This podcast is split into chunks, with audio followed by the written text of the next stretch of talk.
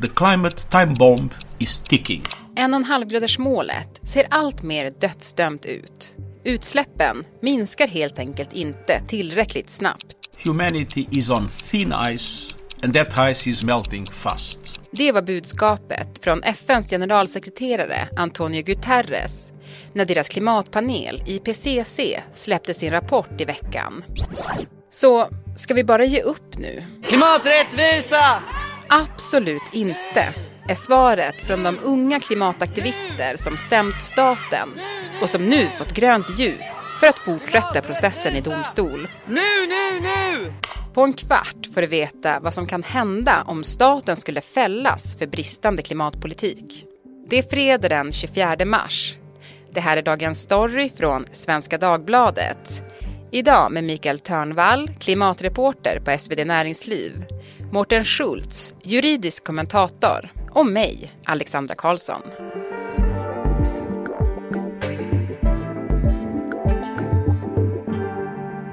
Du, Micke, klimatet är ju en ödesfråga.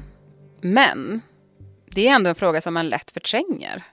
Ja, och av naturliga skäl tror jag. Därför att vi får en himla massa larmrapporter.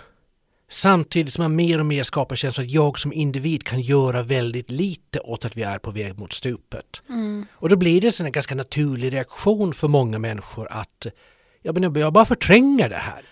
Och det finns en massa andra dåliga nyheter som är mycket mer påträngande just nu om stigande räntor och krig i Europa och risk för bankkrasch och annat. Mm. Så det är inte jättekonstigt att klimatfrågan är ganska lågt på agendan just nu. Mm. Du, FNs klimatpanel, IPCC, de släppte ju sin rapport den här veckan. Mm. Och den har du läst. Ja, det har jag gjort. Ja, hur skulle du snabbt sammanfatta den? Snabbt kan man sammanfatta den att det är ju en sammanställning av känd forskning. Vilket dels då innebär att det här är nog förmodligen liksom det mest pålitliga bedömningen av forskningsläget just nu. Det är 14 000 vetenskapliga rapporter som har granskats av tusentals tunga forskare. Mm. Så det här är det bästa man vet just nu om klimatet och klimatförändringarna. Men det är ju inte nytt i sig det som kommer fram utan vi vet redan det som är huvudlinjen att med nuvarande utsläppstakt då har vi sju år på oss. Sen har vi släppt ut så mycket koldioxid i atmosfären att vi kommer passera den här lite magiska gränsen 1,5 graders uppvärmning.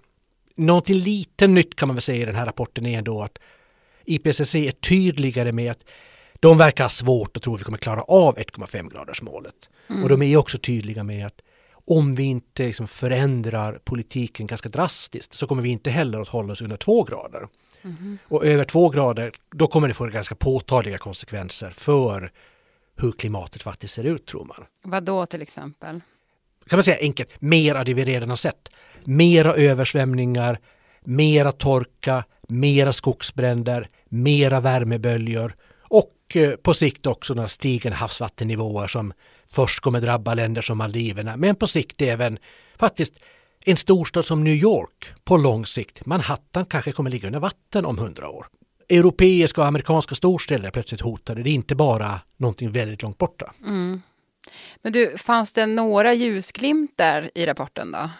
Ja, alltså den andra vinkeln de har är ju att de försöker ändå vara lite konstruktiva och peka på lösningar. Och det känns också lite nytt att IPCC lägger mycket mer krut i den här rapporten på att visa vi har faktiskt lösningarna hur vi ska få ner utsläppen.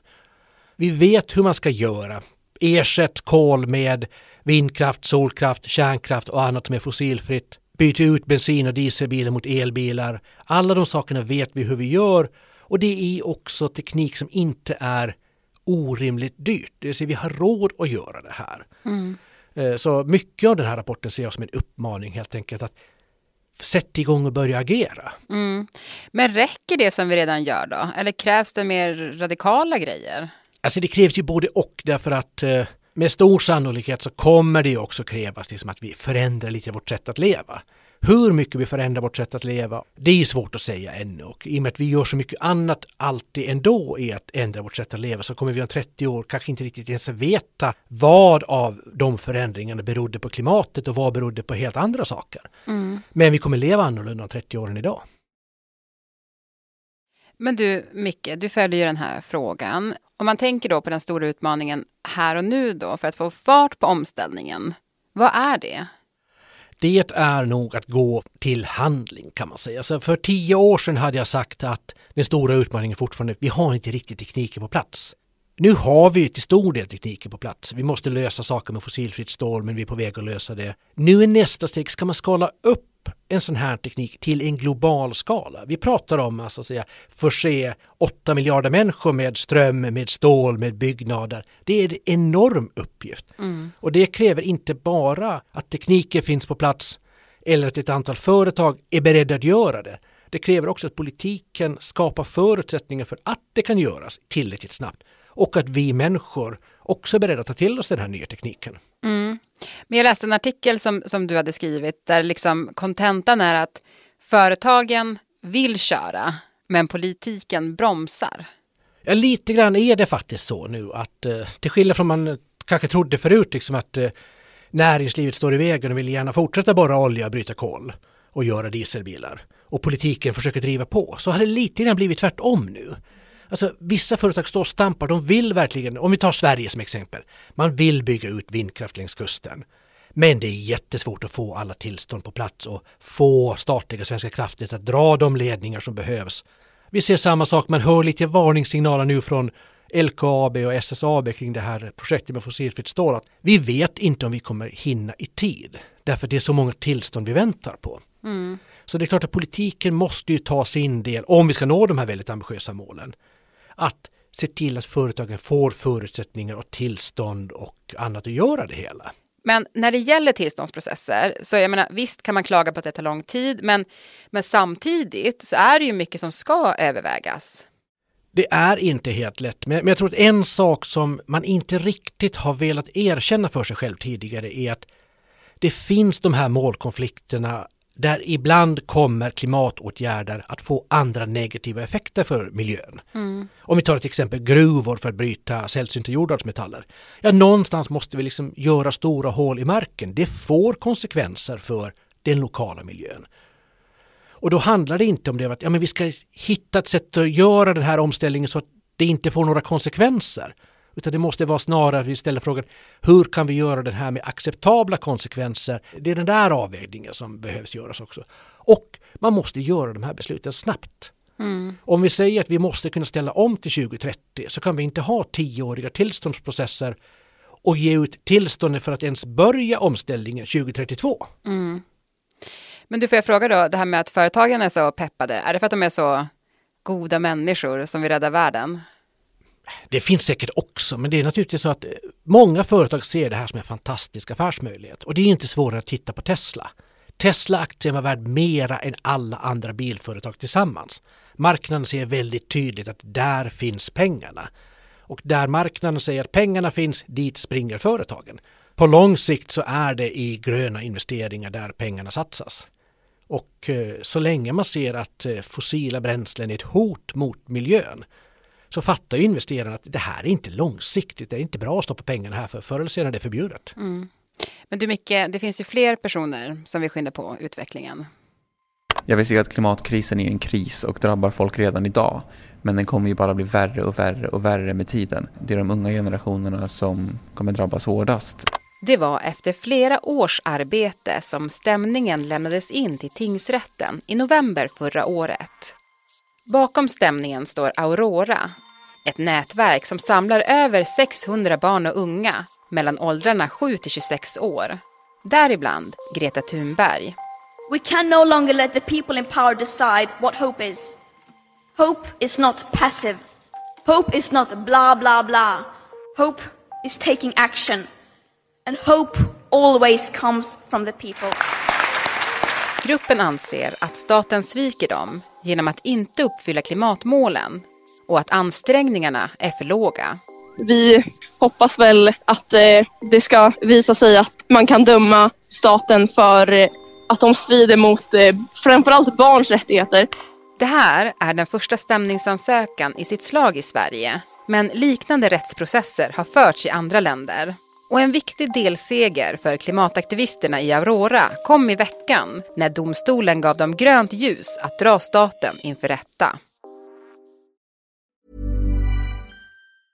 Normally, being a little extra might be a bit much, but not when it comes to healthcare. That's why United Healthcare's Health Protector Guard fixed indemnity insurance plans, underwritten by Golden Rule Insurance Company, supplement your primary plan so you manage out of pocket costs. Learn more at uh1.com.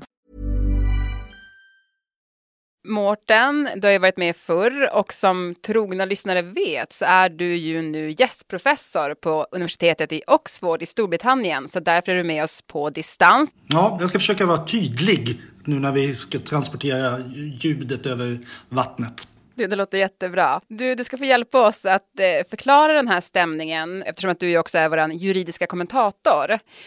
Hur stort är det här att Aurora nu i veckan har fått rätt att stämma staten?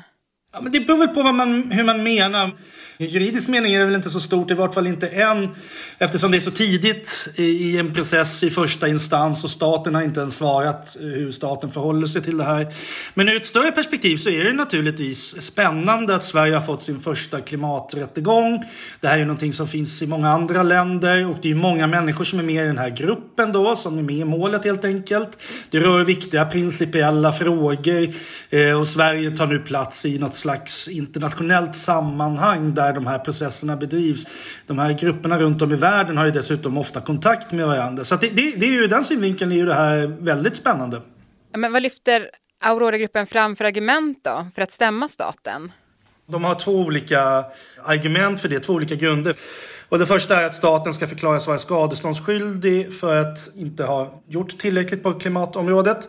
Och i andra hand att staten ska förpliktas, alltså tvingas att utföra olika åtgärder för att nå upp till de här målen. Då. Så det första de begär är att domstolen ska förklara, säga att staten har en skadeståndsskyldighet. Eh, och det är väl den punkten som kanske har störst framgångspotential. Men om det då blir rättegång och, och liksom staten skulle förlora, vad skulle hända då? Eh, om staten skulle förlora i tingsrätten så skulle det väl säkert överklagas av staten. Men om det, om det skulle sluta med att staten förlorar så skulle det innebära, om det första yrkandet vinner då, det första som de begär, att staten skulle förklaras ha en skyldighet att betala skadestånd till medlemmarna i den här gruppen. Och då i kort sikt så skulle det behövas någon form av förhandling eller i sista hand en ny process om hur mycket eh, staten då ska betala. Därefter på längre sikt, om staten förlorar det här målet, så kommer ju staten behöva förhålla sig till att statens politik har underkänts. Det kan ju inte vara så att staten ska fortsätta betala skadestånd till alla svenska medborgare år ut och år in för att inte klimatmålen har uppnåtts. Så att då kommer ju någonting behöva göras. Eh, så, så det är väl liksom konsekvensen av den här processen om kärnorna skulle vinna. Det finns ju exempel på andra länder där liknande processer har genomförts. Alltså hur faller det svenska målet in här?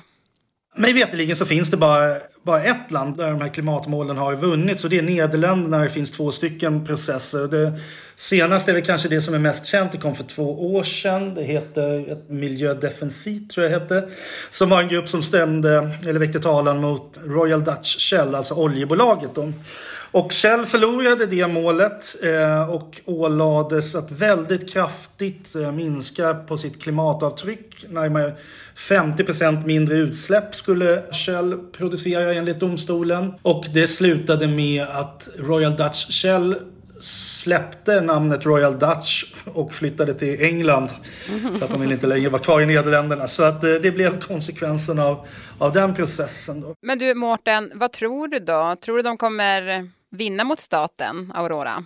Jag vet inte, men jag tror inte det. Det här tror jag är ett mål som är svårt att vinna. Men samtidigt är det inte självklart att, att kärnmålet vinner bifall, att det är det som är vinsten. Jag pratade med min 19-åriga dotter här på lunchen nyligen och hon, hon sa att ja, de har ju redan vunnit det här målet. De har ju redan fått upp den här frågan på agendan. Och, så att, på sätt och vis så är, är det här väl redan någon form av framgång. Men eh, framgång i processuell mening det tror jag blir svårt. Men osvuret är bäst. De här processerna är ofta svårförutsägbara. Med de här processerna menar jag sådana här konventionsbaserade processer om fri och rättigheter. De, är, de kan vara svåra att, att veta hur de faller ut. Mm. Du Micke, nu har vi pratat om, om liksom själva juridiken. Men vad skulle hända för oss medborgare om staten skulle förlora? Det är tyvärr jätte, jätte, jättesvårt att svara på därför att det finns så många rörliga delar i det här. Så jag skulle säga väldigt, väldigt, väldigt förenklat. Allting från ungefär en återgång till förra regeringens politik med mera reduktionsplikt, lite dyrare bensin, men ingen dramatisk förändring till rätt stora ingrepp för att få ner utsläppen. Och då pratar vi inte bara om att vi ska köra mindre bilar, mera på biobränslen, utan också vi måste flyga mindre, vi måste äta mindre kött. Och då kommer det bli styrmedel som höga skatter på kött, höga skatter på flygande och liknande. Hela det spannet kan det bli. Tyvärr kan det inte vara tydligare än så. Tyvärr. Man hade velat ha facit. Ja, 13,8. Okej. Tack. Botox Cosmetic, out of botulinum toxin A, FDA approved for over 20 years. So, talk to your specialist to see if Botox Cosmetic is right for you. For full prescribing information, including boxed warning, visit BotoxCosmetic.com or call 877-351-0300. Remember to ask for Botox Cosmetic by name. To see for yourself and learn more, visit BotoxCosmetic.com. That's BotoxCosmetic.com. Programmet idag producerades av Stina Fischer, redaktör var Erika Hallhagen och jag heter Alexandra Karlsson.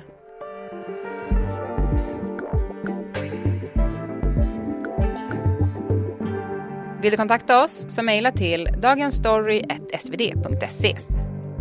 Och klippen i programmet kom från Sveriges Radio, SVT och Reuters.